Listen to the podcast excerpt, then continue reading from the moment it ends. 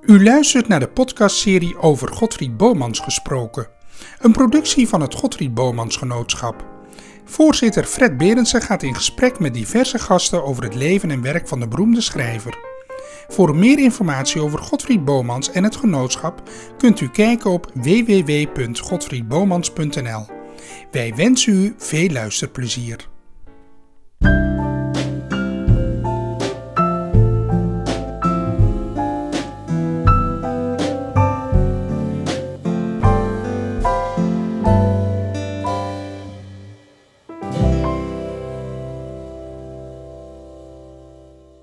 Voor de podcast over Godfried Bomans gesproken zijn wij vandaag op bezoek bij dokter Harry Broshuis. Hij is uh, vorige maand gepromoveerd op uh, de these uh, Godfried Bomans en het katholicisme. Hij heeft een onderzoek gedaan, een cultuurhistorisch onderzoek, naar Bomans als representant van het katholieke schrijverstype. En ik wil hem daar een aantal vragen over stellen. Harry, Fijn dat je mee wilt doen aan onze podcast. Graag doe ik dat. Uh, je bent al jarenlang lid van het Godfried Bomans Genootschap. Klopt. Uh, was dat de reden om aan dit onderzoek te gaan beginnen? Nee, de echte reden uh, wat, lag al voor die tijd.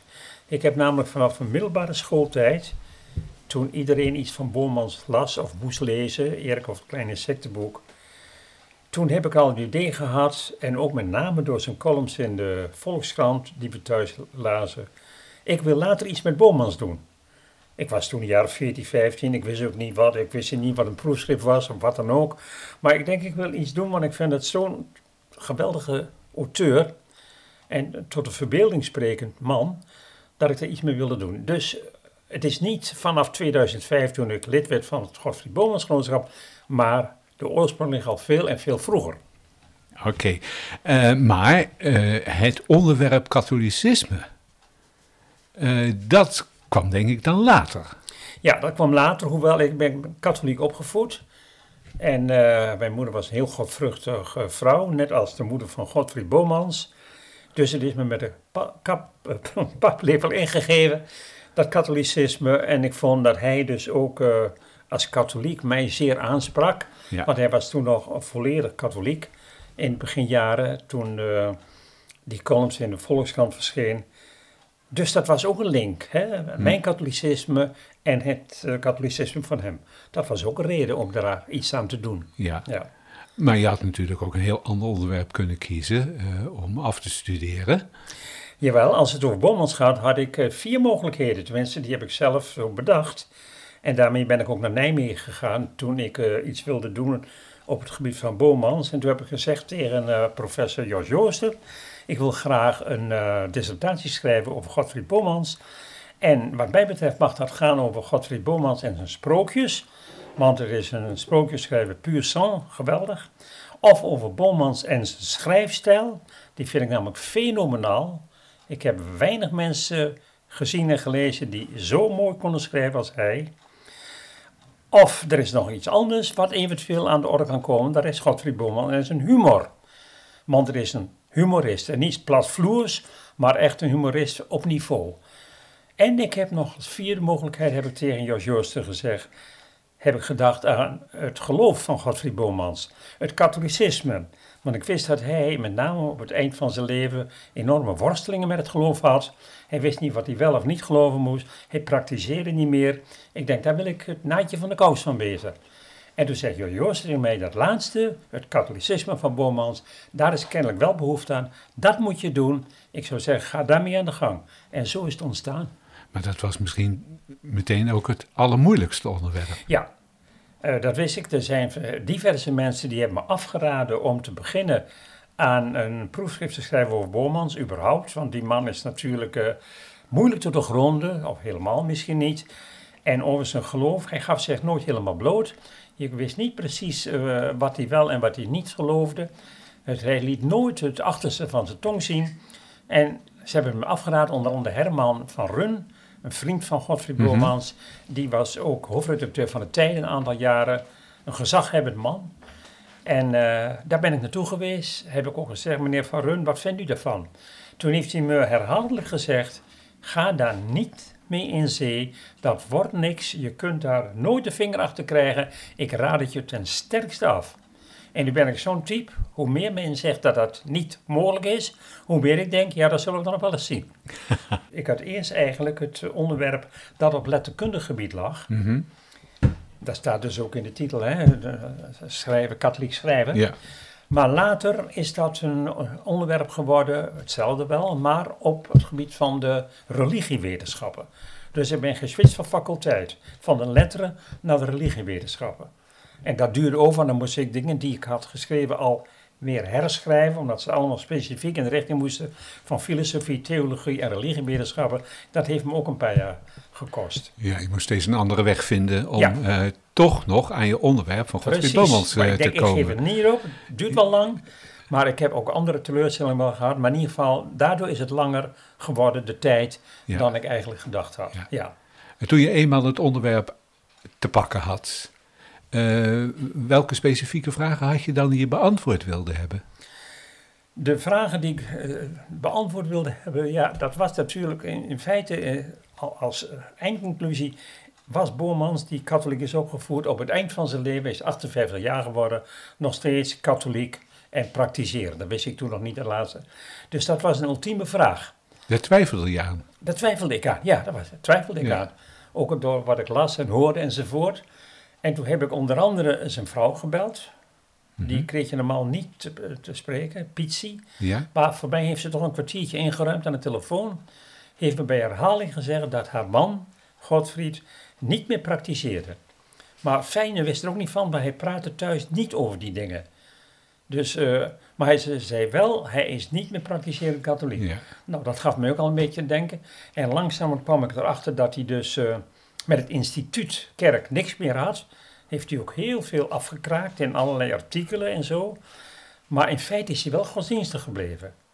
Dus dat Ja. was eigenlijk, nu hebt over de vraag die ik gesteld heb, dat was de vraag. Wat is er nog van zijn geloof overgebleven? ja. Ja, hij is dus katholiek opgevoed, eh, streng katholiek opgevoed, want eh, zijn vader zat natuurlijk in die katholieke emancipatiebeweging, eh, kun je wel zeggen. En dat heeft hij ook heel erg meegekregen. ja, Eh, in zijn jonge jaar heeft hij er zelf ook aan meegedaan, eh, door eh, ja, het geloof uit te dragen op allerlei manieren. ja.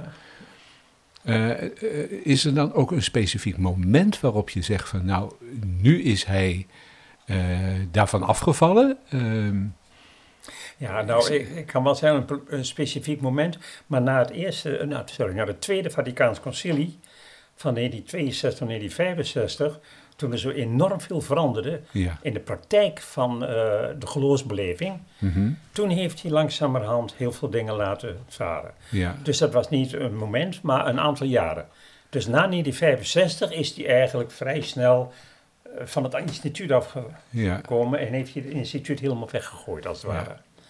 Ik vond eh, dat eigenlijk voor dat concilie had hij ook al een paar keer een uitspraak gedaan waarvan ik dacht van nou, ehm, daar begon hij eigenlijk, ook al te twijfelen. Eh, bijvoorbeeld hij schreef in 1954 al, de katholieke kerk is er niet voor de mensen die het doen, maar voor de mensen die het nalaten. Zij hoopt dat haar adviezen worden opgevolgd, door rekent er niet op. Zij is zozeer op het verkeer met zondaars ingesteld dat de ontmoeting met een waarachtig christen haar onzeker maakt.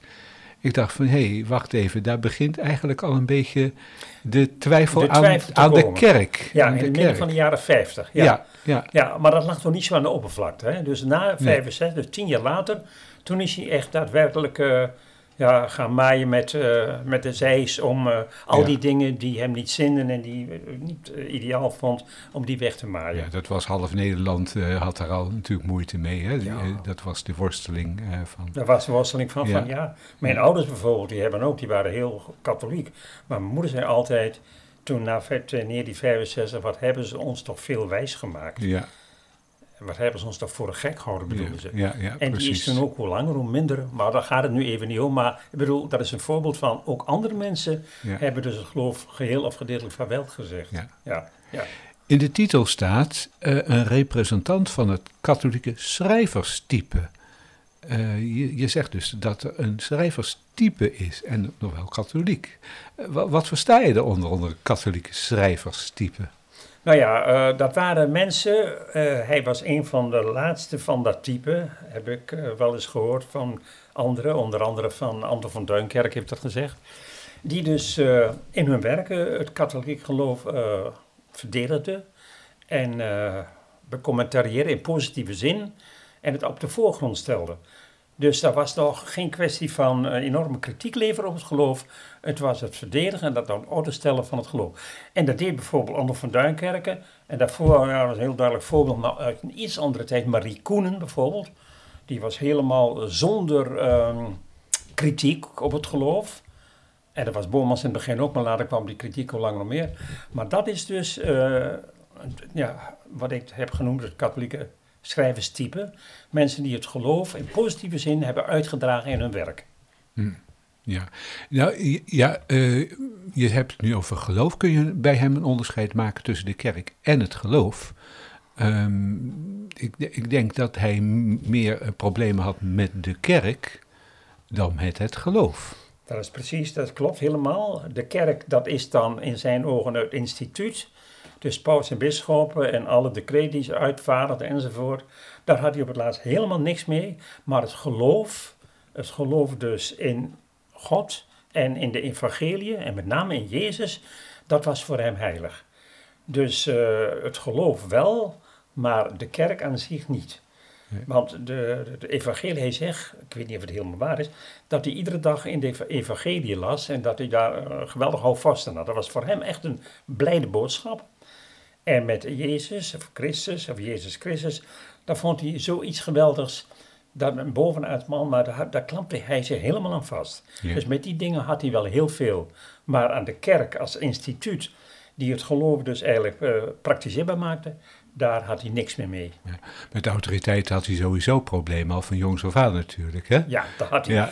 Behalve als het op godsdienstig gebied was. Want met kardinaal en bisschop en de paus, daar had hij in het algemeen geen commentaar op. Nee. Zeker niet op de paus. Nee. Maar wel op allerlei mensen dus in het openbare maatschappelijk leven die een functie had. Ja, die kon hij inderdaad eh, behoorlijk aanpakken. Ja, ja. Ja. Eh, Indrukwekkend was natuurlijk eh, die televisieuitzending waarin in Israël in het Heilige Graf was en dat hij daar dus ook het eh lijdensverhaal voorlas. En in diezelfde serie was hij dus ook in Rome en dat hij inderdaad kritiek uitte op, op, op Rome. Eh stroomde nog water door Rome, heette die Ja. serie, of dat programma toen de Ja. tijd.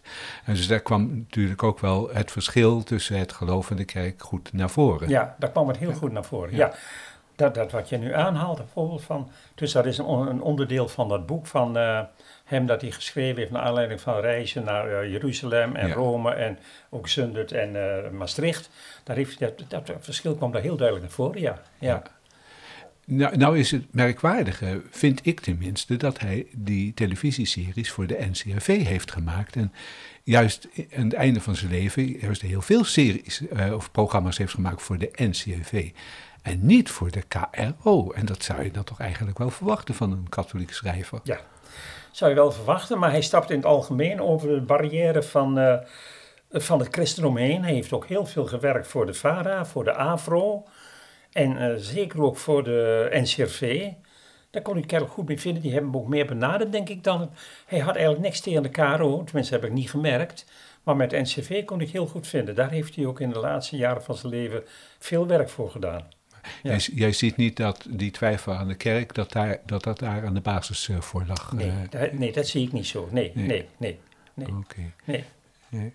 Eh, ja, inderdaad heeft ook voor een heleboel andere omroepen ook gewerkt. En het bijzondere was dat onder de lezers van Bomans inderdaad ook heel veel gereformeerde, hervormden zijn en mensen van een ander geloof. Ja, ik kan een mooi voorbeeld van geven. Ik kreeg gisteren nog een mailtje van iemand die het boek had gelezen, een dominee. En die dominee zegt, ik zie in eh, de ontwikkeling van Bomans als katholiek, van katholiek naar christen, zie ik dezelfde ontwikkeling als ik heb meegemaakt. Hij zei, ik vond het zo geweldig hoe dat in het boek is beschreven. Nou ja, eigen roem stinkt, dus daar wil ik het niet over hebben. Maar hij vond dat geweldig. Hij zegt, eh, diezelfde ontwikkeling heb ik doorgemaakt. Die dominee was nu ook, nou, afvallig is het woord niet, maar die eh, was ook zeer kritisch op zijn geloof. En dat was Boormans ook. Dus eh, ja, dat is misschien een antwoord op die vraag. Ja. Ja. Dit is een advertentie. Word nu lid van het Godfried Bomansgenootschap en u krijgt toegang tot twee bijeenkomsten per jaar in Haarlem. Daarnaast ontvangt u tweemaal per jaar het clubblad De Godfried en een eindejaarsgeschenk. Dit alles voor slechts 30 euro per jaar. U kunt zich opgeven als nieuw lid via www.godfriedbomans.nl. Ja, hij heeft natuurlijk ook uh, gesprekken met bekende Nederlanders gevoerd. Uh, onder andere met Paat van Kilsdonk. Ja. En zit eigenlijk ook in diezelfde lijn. Want ook de, de, de protestanten theologen, zeg maar, heeft hij toen benaderd en ondervraagd daarover. Ja, en dat waren hele indrukwekkende en diepgaande gesprekken. Ja, diepgaande gesprekken. Ja, ja. ja, ook met Pater van Kilsdonk. Ja. Die was ook eigenlijk een beetje revolutionair in zijn geloofsopvatting en in de aanpak van het geloof. En daar kon hij het goed mee vinden. Ja. Ja, hij zegt, dat is een heel ander priester dan in mijn tijd. Die stond hoog boven de massa en die doelde geen kritiek, maar die kreeg ook geen kritiek. En Pater van Kilsdonk laat het allemaal op zich afkomen. Ja. Hij zegt, dat is de moderne priester en dat, dat, dat vond hij mooi, zoiets. Ja, ja, ja. ja. Had Godfried zelf ook geen priester willen worden? Hij is wel in het klooster geweest. Hij heeft vanaf zijn negende, heeft hij wel eens geschreven, had hij uh, de behoefte, nou in ieder geval een soort uh, ja, roeping om naar het klooster te gaan om priester te worden. En hij is inderdaad ook in het klooster geweest in Italië. Daar is hij een paar weken geweest. En uh, na een paar weken heeft hij weer de deur van het klooster achter zich dichtgeslagen, want er was toch niks voor hem. Nee, nee. nee, nee. Maar in feite had hij wel, net als zijn broer, die dus in een zunder was, ja. had hij dus uh, nou, wel interesse in het geloof om ja. dat uit te dragen in, in het klooster. Ja, ja was toch een goede keuze geweest om niet het klooster in te gaan. ja, dat weet ik goed. Maar daar, hij, volgens mij was er ook geen type voor, maar dat is nee. niet persoonlijk, dat heb ik niet onderzocht hoor. Nee, nee. nee. ik denk... Ja. Dat, dat gesprek met zijn broer en zus, dat, dat uh, blijkt dus een van de meest spirituele uh, televisieprogramma's te zijn geworden uh, van, van, van de eeuw, zeg maar. Ja, ja. ja dat, ja, dat heeft heel veel. In 1970 is dat voor het eerst uitgezonden in november en toen op 10 januari 71 is dat nog een keer herhaald. Ja. En daarvoor, kijk, hij heeft nooit precies gezegd wat hij over het geloof dacht tegen zijn zus en broer. Want er waren alle twee mensen die nog heilig geloofden in hun roeping. Die hadden ook niet zoveel kritiek op het katholicisme. Hij wel. Hij zei wel, uh, als hij met, zijn zus praatte, zuster Borromee, of met zijn broer Arnold, heette die dan, hè, uh, ja, over die dingen denk ik toch anders. Ja. Maar hij heeft niet gezegd wat anders, maar hij heeft toen wel afstand genomen van hun zienswijze op ja. het geloof. Ja, absoluut. Ja, ja. er bestaan ook wel brieven over dat hij dat... Uh, laat blijken dat juist al die regels en zo, ik weet ja. me een brief te herinneren, maar niet uh, woordelijk, van uh, al die regels, kijk eens naar die meisjes die buiten lopen, dat is het, eigenlijk het echte leven. Ja, mooi. Dat is meisjes die in Zundert naar de, juist, ja, kermis ja, gingen. Ja, ja, dat is het. Dat, dat was de het, aanleiding van ja, een soort preek dat zijn broer heeft gehouden over de mogelijke manier om om verdiensten te krijgen om in de hemel ja, te komen. Hè? Ja, de stappen die je moest was, dat is er eigenlijk niet. Dat is het buiten, daar is het. Hè? Ja, ja, ja, dat, dat, is het mooiste. Dat is mooi, ja. Um, nou heb je een heel, heel lang onderzoek, een heel diepgaand onderzoek uh, gedaan. Uh, maar ik kan me voorstellen dat uh, het wel heel erg lastig was om dingen boven water te krijgen. Hè? Je, je zei er net al een paar van die onderwerpen. Wat, had je nou eigenlijk uh, nog meer willen weten? Uh, en nou, wat, had, wat, niet naar voren is gekomen? Ja, ik had meer concrete dingen willen zien. Maar heel veel van die bronnen, ja, die waren omdat ze natuurlijk over Bomans gingen. En er was iemand die zich niet blootgaf, straks al gezegd. Straks al gezegd. Maar ik had dan wel graag wat duidelijker antwoord willen hebben op de vraag: wat geloofde hij nu wel, wat geloofde hij niet? Want ook waar hij niet in geloofde, dat is ook eigenlijk een beetje ja, terra incognita. Ik heb er een aantal dingen genoemd die hij niet geloofde, maar ik denk niet dat ik dat helemaal ad fundum tot op de bodem heb kunnen uitzoeken. Daar had ik liever dus nog wel een antwoord op gehad. Maar heeft niemand me gegeven. Nee, dat kon het niet. Nee, nee. Ik denk dat niemand dat weet. Uh... Dat is niemand weet dat. En neem ze niet kwalijk. Nee. nee want Bomas is natuurlijk bijna uh, niemand, is niet iemand om te onderzoeken. Ik heb dat dan wel gedaan, maar goed. Je krijgt ook niet te laten uh, onder zijn steen boven hoor, echt niet. Nee, wat dat betreft was hij ondoorgrondelijk. Ja, was ondergrondelijk, ja. ja. Ja, het was hij bijvoorbeeld, hij had wel iets anders, toen heeft weinig met het geloof te maken. Een beetje eigenaardige inslag. Als hij in een gesprek was, bijvoorbeeld met ons drieën. En we hadden een onderwerp samen. En in de serum niet, dan liep hij meteen weg. Hij zei ook niet, sorry, ik moet dit. Hij pakte zijn jas of zo, of als hij, maar hij ging maar weg. Het is zo'n zonderling type. Hij Ja. was al een beetje, een klein beetje excentriek. Ja, Ja, in zijn manier van doen. ja. dat was leuk. We hadden een paar weken geleden hadden wij een gesprek met een 16-jarige. En eh, toen vroeg ik hem van, eh, wat fascineert, wat, wat vind je dan van Bobo? Zegt, ja, het was een wel een hele rare man, zei, Ja. zei die jongen. Nou, misschien is het wel in een nutshell heel goed eh, aangegeven wat het voor een man was. ja, hè? ja, ja, ja. Ja, bijzonder intelligent was hij. Ja, want heel hij, hij kon natuurlijk gesprekken ook wel manipuleren. Ja. Als het hem niet inzinde, dan begon hij over heel, totaal iets anders dat- ja, ja, eh, ja, ja, ja. te spreken. Ja, Ja, ja. maar mij heeft hem altijd ontzettend geboeid. Ik vond het een geweldige, geweldige man om naar te luisteren, te lezen. Ja, inspirerende figuur. Maar wel een beetje een rare man. Ja. Maar hij, eh, hij heeft jou in ieder geval eh, tot dit onderzoek aangezet. En zo heeft hij heel veel andere mensen tot allerlei andere zaken, tot verder lezen of verder onderzoek aangezet. eh. Ja. En nu nog, 50 jaar na zijn eh, overleden. Ja. ik kan nog vertellen, nu je dat vraagt. Toen ik bij Jos Joosten kwam en ik zei, nou ik wil het onderwerp nemen over de godsdienst van Bommans. Toen zei ik, moet ik dat niet ergens vastleggen? Want veronderstel dat er iemand in Vlaanderen of in Nederland al bezig is met een dergelijk onderzoek. Nou, zei Jos Joosten lachen, daar hoef je niet op te rekenen, want er begint niemand aan. Kijk, hij heeft me ook al afgeraden toen. Ja. Door te zeggen, daar begint niemand aan. Nou, Nee. ik heb dat dan wel gedaan. Maar ik hoef het niet vast te leggen, dat onderwerp. Ik Nee. denk, veronderstel, iemand heeft al zoiets. En ik kom eh, daarna, dat is natuurlijk Ja. niks meer. Ja. Maar dat was niet het geval. Nee. Nee. Er wordt wel onderzoek gedaan naar Bomans, maar het op een heel ander terrein is. eh, Ja, dat dan, er is eh, nog iemand bezig, dat weet iedereen natuurlijk, aan de, auto, aan de biografie van hem. Ja, Maar dat komt eind van dit jaar misschien, na een jaar of twintig. Nee. nee, hij heeft mij nu laten weten dat gaat er dit jaar nog niet van komen. Oh, het komt wel een keer, maar wat later. Ja, ja, maar ook door corona eh, is er dus eh, achterstand in het Ja, proces ja. gekomen. Ja, Maar we wachten rustig ja, af. ja, precies. Ja, ja, ja, ja, ja, Ja.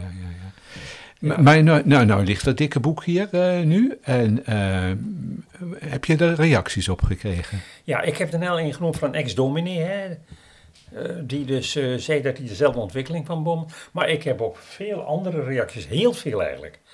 Ik heb eh, dingen gekregen via de mail, maar ook in Groenlo als ik er loop. Ik ken bijna iedereen omdat ik er al zo lang loop. En dan komen ze bij me en dan feliciteren me ze. En dan zeggen ze, god wat een mooi boek. Ze zeggen allemaal positieve dingen. Ja. Dat vind ik wel heel leuk. Ja, ja. Maar niet zozeer inhoudelijk als wel, god wat een werk is dat geweest. De adoratie die springt er vanaf. Ja, Maar precies. ik heb in het ja. algemeen heel veel positieve reacties Ja. gehad. Ja, Ja, de kritiek heb je natuurlijk bij je promotie wel gekregen Ja, van, ja. van de professors. dat klopt. Dat klopt. Ja, ja, ja, ja. Maar ik ben zo blij dat ik toch, toch ooit aan begonnen ben. En dat ik nu na tien jaar kan zeggen, eh, een levenswerk is het geweest. Ja, Het is nu volbracht. ja. En eh, nou, ik kan er mooi op terugzien. Ja maar dat, dat is eigenlijk mijn volgende vraag. Want ja. eh, nou ligt het hier. Eh, wat ga je er nou mee doen? Nou, ik zou vertellen, ik heb twee dagen geleden toevallig eh, een verzoek gekregen, had ik al eerder, van de vrijmetselarij in Winterswijk om een voordracht te houden daar. En dat wordt in november, want die mensen zijn ook al druk. Ik heb tot nu toe nog een paar andere eh, uitnodigingen van verenigingen, clubs, hoe je het dan noemen wil, om daar een lezing te houden. Dus dat zou wel, meer, niet iedere dag en iedere uur, maar ik wil wel wat eh, in, den, in den landen wat eh, lezingen geven over Bomans. Ja, oké. ja, en dan krijg je natuurlijk als publiek toch wat oudere mensen, niet veel 16-jarigen, Nee, maar toch, maar dat wil ik wel graag doen. Ja. Ja. Ja, het zijn niet altijd oudere mensen hoor. Ik heb Nee, eh, nu ook nee, afgelopen periode wat. wel, hè? ja, nee, dat wel, inderdaad. ja. Ja, de Maar ik meeste. zie ze allemaal als ik kom altijd op de Boomans eh, bijeenkomsten en dan zie ik naast me voor me achter Ja. toch in het algemeen, een beetje gedateerd is niet, wat oudere mensen. Ja, ja, nee, nou, dat klopt, dat klopt. Ja, maar- ja, maar rijpere mensen. Rijpere mensen, rijpere laten we het zo zeggen. Ja. Nee, oké, dan- de- dus eh, er zit een vervolg aan. Eh, maar je studie is nu afgerond. De studie is afgerond, ja. Ga, ga je nu iets nieuws doen eh, nog? Nou, ik zou je vertellen, Annie staat erbij, maar ik heb gezegd een paar jaar geleden, als ik dit af heb over Bobbans, dan wil ik nog graag Latijn gaan leren. Ik heb geen gymnasium gehad, wat ik jammer vind. Ik had graag gymnasium gehad, maar dat was hier in Groenlo niet. Dan moest ik naar Oldenzaal of naar Arnhem, maar dat zat er niet bij. En ik ken wel een beetje Latijn, maar dat is kerklatijn. Vroeger Ja. had je de kerkboeken met aan de ene kant Nederlands en aan de andere kant Latijn. Ja. En dan legde ik onder de mis de hand erop en even kijken, hoe zit dat nu? Dus heb ik een beetje kerklatijn, maar ik had Ja. nog graag, want ik vind Latijn een heel belangrijke taal. Maar ik heb nu op mijn 84ste gezegd, en Annie staat erbij, die hoort dat ook, eh, dat doe ik niet meer. Ik ga dus niet meer studeren. Als ik wat jonger was, had ik het gedaan, maar nu is het finito. Nu is het klaar. Ja. Ja, ja, ja, ja, ja. Nou, je, hebt, je hebt genoeg gedaan, eh, dacht ik zo. eh, Ja, ik heb aardig wat gestudeerd in mijn leven, dus ik ben er wel tevreden over. In jouw boek, eh, nou, het is, het is een, een dik boek geworden. Eh, zou je aan kunnen geven wat het hoogtepunt is uit, uit dit boek? Of wat het meest opzienbarende is u- in het boek? Ja, nou dat kan ik. Dat is eigenlijk het eind. Dat is een slotconclusie uit het hele verhaal. Ik heb dus alles onderzocht wat betreft zijn geloofsbeleving en zijn geloofsopvatting enzovoort. En de slotconclusie is, dat is het belangrijkste uit het boek, dat hij van katholiek christen is geworden. Dat katholicisme heeft hij zo weer weggegooid dat het instituut voor hem totaal geen waarde meer had. Maar hij bleef wel christen, omdat Christus in zijn leven een heel belangrijke figuur was, waar hij zich aan vastklampte. Dus dat is het belangrijkste. Hij werd van katholiek christen. Dat is een beetje kort verteld, maar daar komt het op neer. Dat is eigenlijk eh, ja, de belangrijkste conclusie. Waar iedereen, en dat, dat wist men nog niet, althans niet officieel, maar dat heb ik onderzocht, dus nu is dat bekend. Ja. Ja. In het verlengde zou misschien eh, kun je denken van dat is dan ook de reden geweest waarom hij zijn dochtertje niet op de katholieke school heeft eh, gedaan, maar op de openbare school. Ja. Maar er was ook een praktische reden bij, hè, omdat de eh, openbare school veel dichterbij is. Ja, dat klopt. heb ik dus ook verteld en dan Ja. kon met kinderen uit de buurt kon zij er naartoe. Ja, dat dus het klopt. was meer een praktische dan een principiële kwestie. Ja. Ja. Harry, nou, het was een zeer interessant gesprek. Hartelijk dank dat wij hier mochten komen vanmiddag. En eh, ik wens je verder heel veel succes eh, met je boek. Dit was een aflevering van de podcastserie over Godfried Bomans gesproken. Een productie van het Godfried Bomans Genootschap. Gespreksleider Fred Berendsen. Productie Cicere Bestebreur. Wilt u lid worden van het Godfried Bomans Genootschap? Ga dan naar www.godfriedbomans.nl